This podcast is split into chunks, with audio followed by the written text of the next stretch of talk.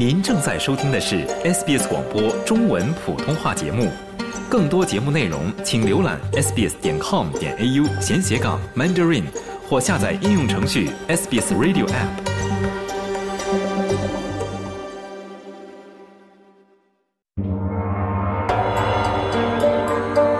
听众朋友们，大家好，我是浩斐。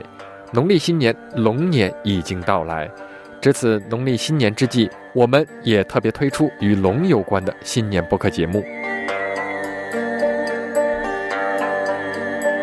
十一岁从业，如今已经有三十多年经验的扎作师许家雄，是 Bendigo 如今最大的大金龙的缔造者。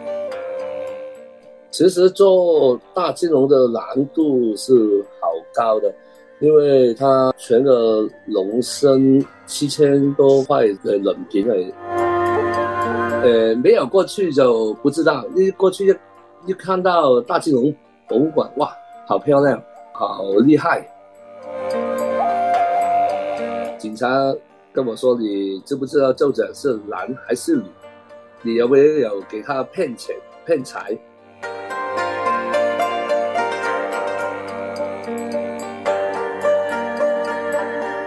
许家雄师傅，香港最年轻的纸扎手作艺人，如今陈列在维州 Bendigo 金龙博物馆，长达一百二十米的大金龙就出自许师傅之手，这也是许师傅的得意之作。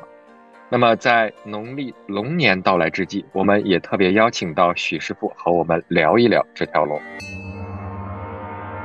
许师傅你好，你好。首先，想请您做一个简单的自我介绍。大家好，我叫许家雄。我是从事炸作这个行业三十多年，是呃大金龙是有我的团队一起做出来的，呃，我人生没有什么可以做了，只有炸作这这个工作，非常感感谢你们邀请我做这个访问。对，我们也看到啊，您应该是香港最年轻的纸扎师傅了，那么。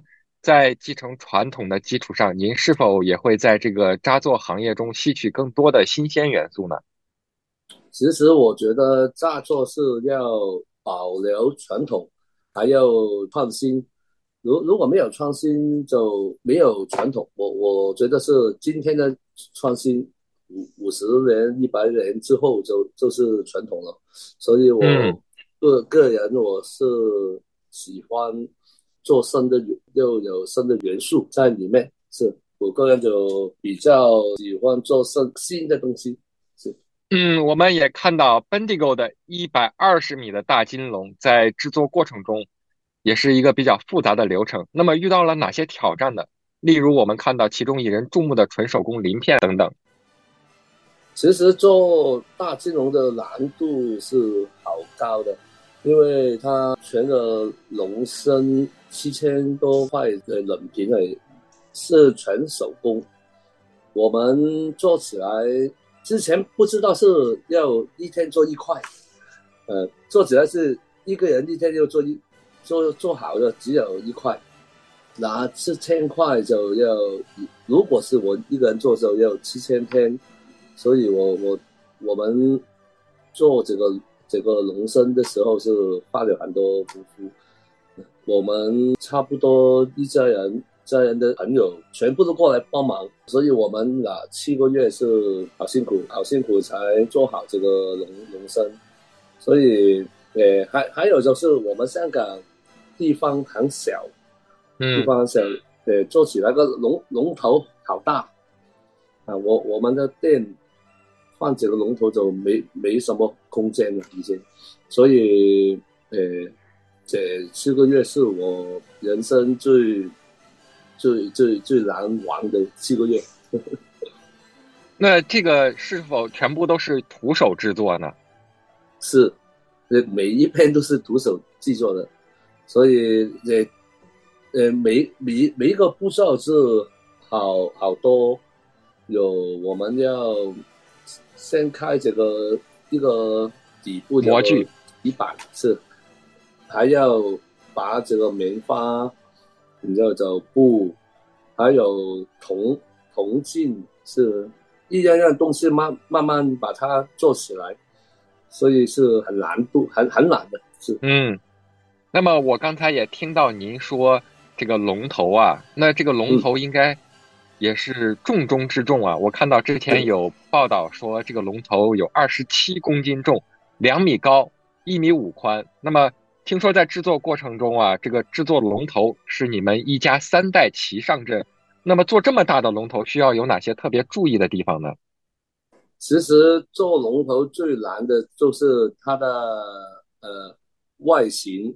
要做的，做到，我我们香港师傅说是要看到龙的气息，这气势，但是不可不可以看到龙的丰满的样子。我们香港做龙是叫鸡肠，是吉祥，鸡鸡肠金龙，所以外形很重要。呃，另外就是我们在座师傅常常都说。龙做龙，好多人都会会做，不过要做到一一条好的金龙，在任何一个角度角度看起来都都是很漂亮，是很难的。所以我们做这个大金龙三代，我我的爸爸、我侄侄仔、侄儿，他我们三三个人是很努力去去做龙头，做起来越做越大。起初是没没有想做这么大的。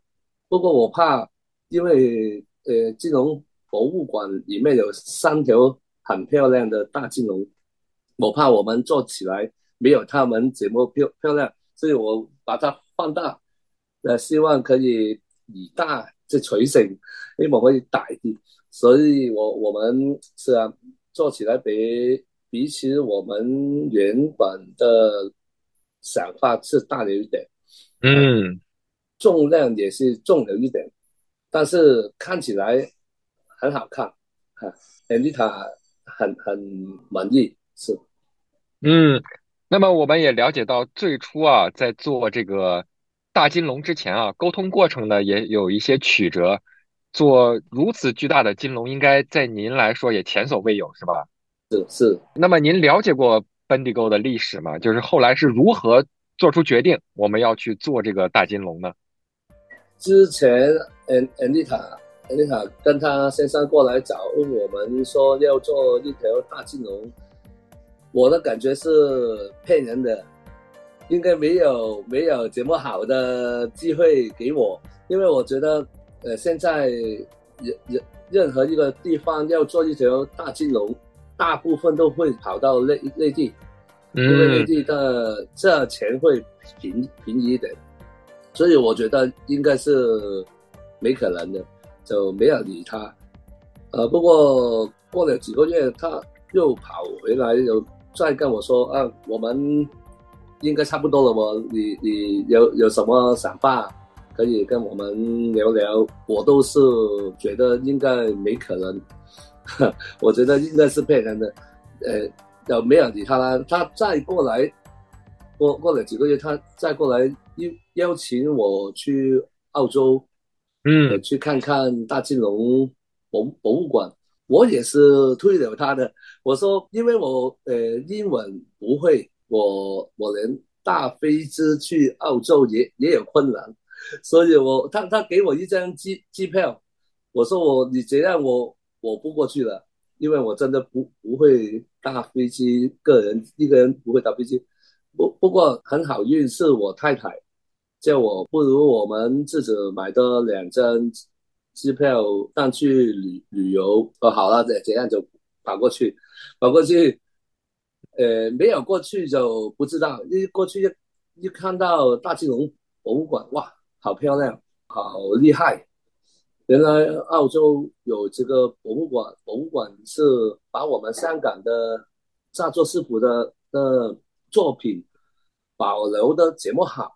呃，觉得呃，我自己做了三十多年炸作，一直认为自己是做的很好的。不过一过一一看到大金龙博物馆里面的作品之后，觉得自己原来是很 很普通的，很厉害。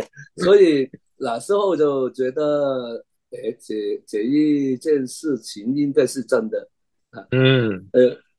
到了晚上，呃，我们去他他们请请我们去吃饭，呃，吃饭跟他们聊天，好多人，我我不认识他们是什么人，啊，然后回到酒店，他跟我说，今天跟你吃饭的每一个人都好厉害的，我我我说是什么人？啊，他说，呃，这个是我们市长，这个是我们州长，哦，怎么厉害？然后他他他就是问了我一个问题，你凭什么帮我们做这个大金融？嗯我就跟他说，我捧一双手，跟我三代，我爸爸，我侄儿，我们三个人帮你们做这个事情。我说我三十多年多年经验经验，啊，我没什么其他可以说了，所以我说你要信任，呃，孙了，信任我，我就给我试试咯。然后我就回到香港，回到香港没没多久，你们州长什么安德鲁，他就安德鲁斯发了，安德鲁斯是，他就发了一个电邮给我太太，说这个机会给我了，呃，我们很高兴，也，觉得好像发发梦一样，呵 呵然后他说他会来香港跟我们签约，嗯。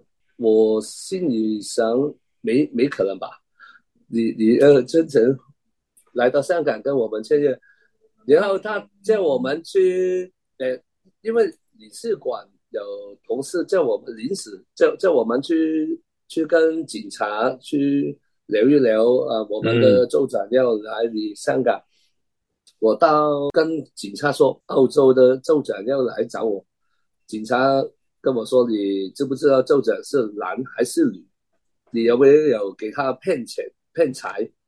他说：“因为他觉得我是不太可能的。啊 对，我我我说我跟他吃过饭，有看过他，他他们说，如果州长要来香港跟你谈生意谈什么，应该不可能有你这个小市文过来跟我们说，应该政府的会有有层面有层面跟他说，然后我说是啊，是他们理事馆叫我过来，我就跟你说了。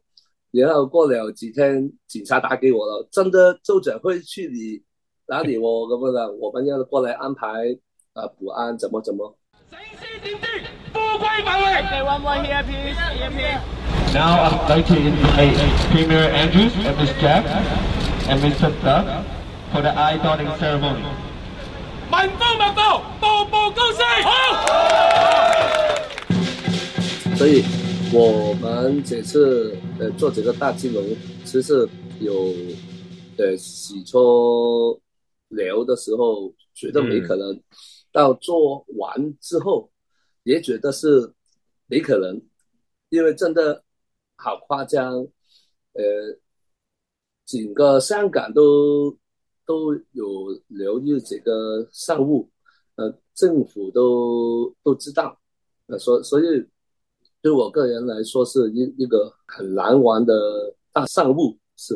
嗯，那这个你所说的大商务啊，它在嗯。最后完成的时候，您觉得这个大金龙作品是否也让您感到骄傲和自豪呢？非常骄傲，因为我到现在也也也也没有做过什么商务是好像这么大的大金融这个这么大，嗯。是。还是还有就是呃意义很很重要，因为这个大金融其实五十五十年前甚至一百年前都是有我们香港的的师傅去做，只是有我们从事楼做是援助是吗？援助我们香港的扎作技艺，延续这个香港的扎作文化。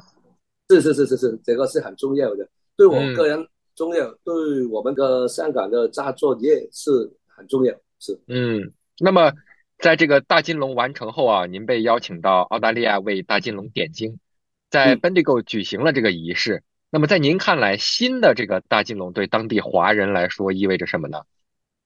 我一去一一到澳洲，看到好好多市民，那对大金龙是很很期待，呃，觉得他们把金龙已已经是葬葬身呃自子一样，这跟一家人一样，呃，他们看到看到我知道我是做大金融的师傅，对我很搀起的，好像对我好像是朋友一样。我我会非常的尊重，尊重是。他们叫我做什么？master 会，我我在香港，我我觉得英文英文不好，英文不好，所以我我听到觉得很高兴。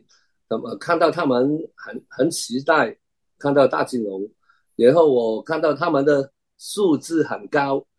嗯，我们大金龙那几天在 b e d g o 呃去舞动的时候，好多市民去看了。看完之后，我看到。他们一条街都很干净，呃，没有垃垃圾，非常非常好。我我看到澳洲的市民的素质很高，呃，还有就是他们觉得金融是他们的代表，嗯，我我我也很高兴，所以我自己也很期待可以再去澳洲看看大金龙。对，那么除了制作大金龙以外啊，掌握了扎作技术后，您还做过其他哪些作品呢？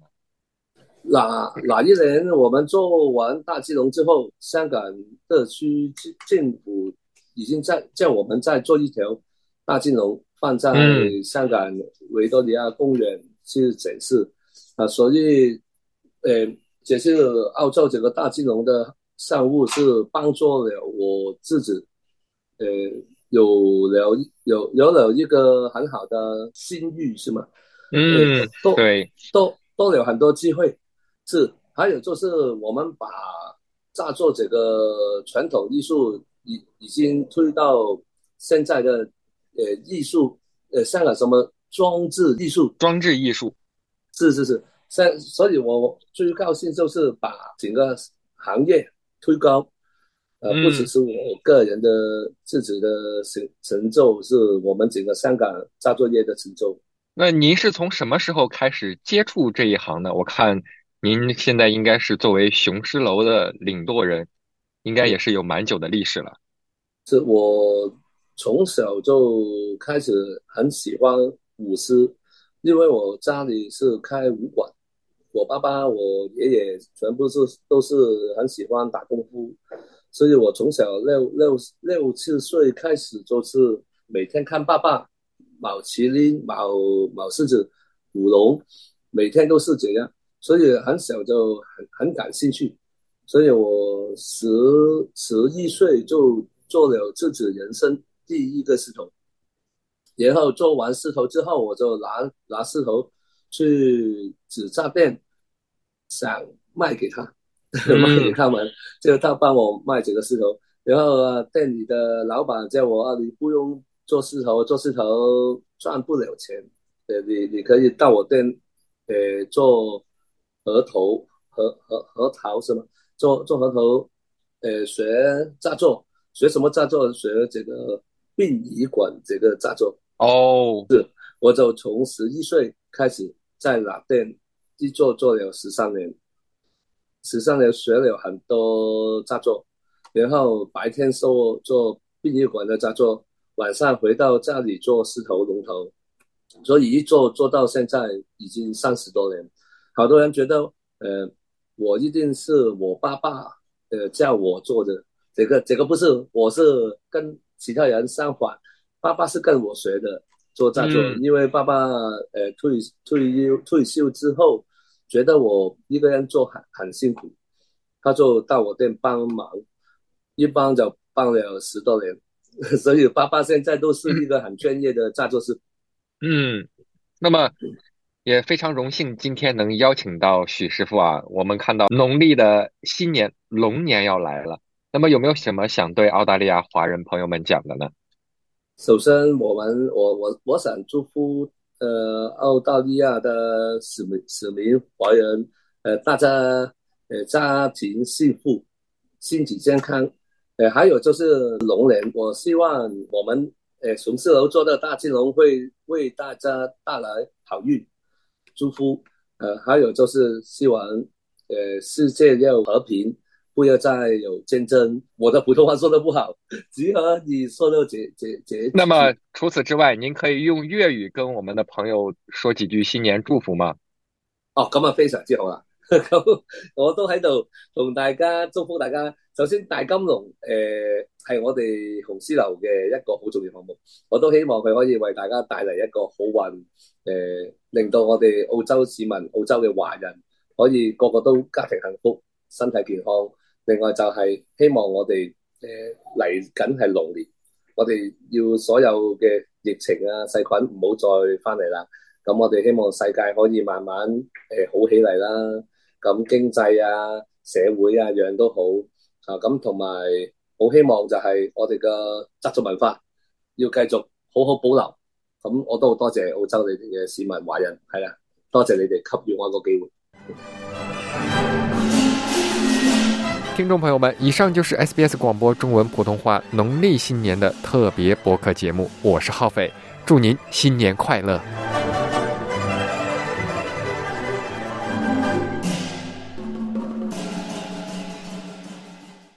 了解澳洲，融入澳洲，欢迎登录 sbs 點 com 点 au 前斜杠 language 前斜杠 mandarin，获取更多澳大利亚新闻和资讯。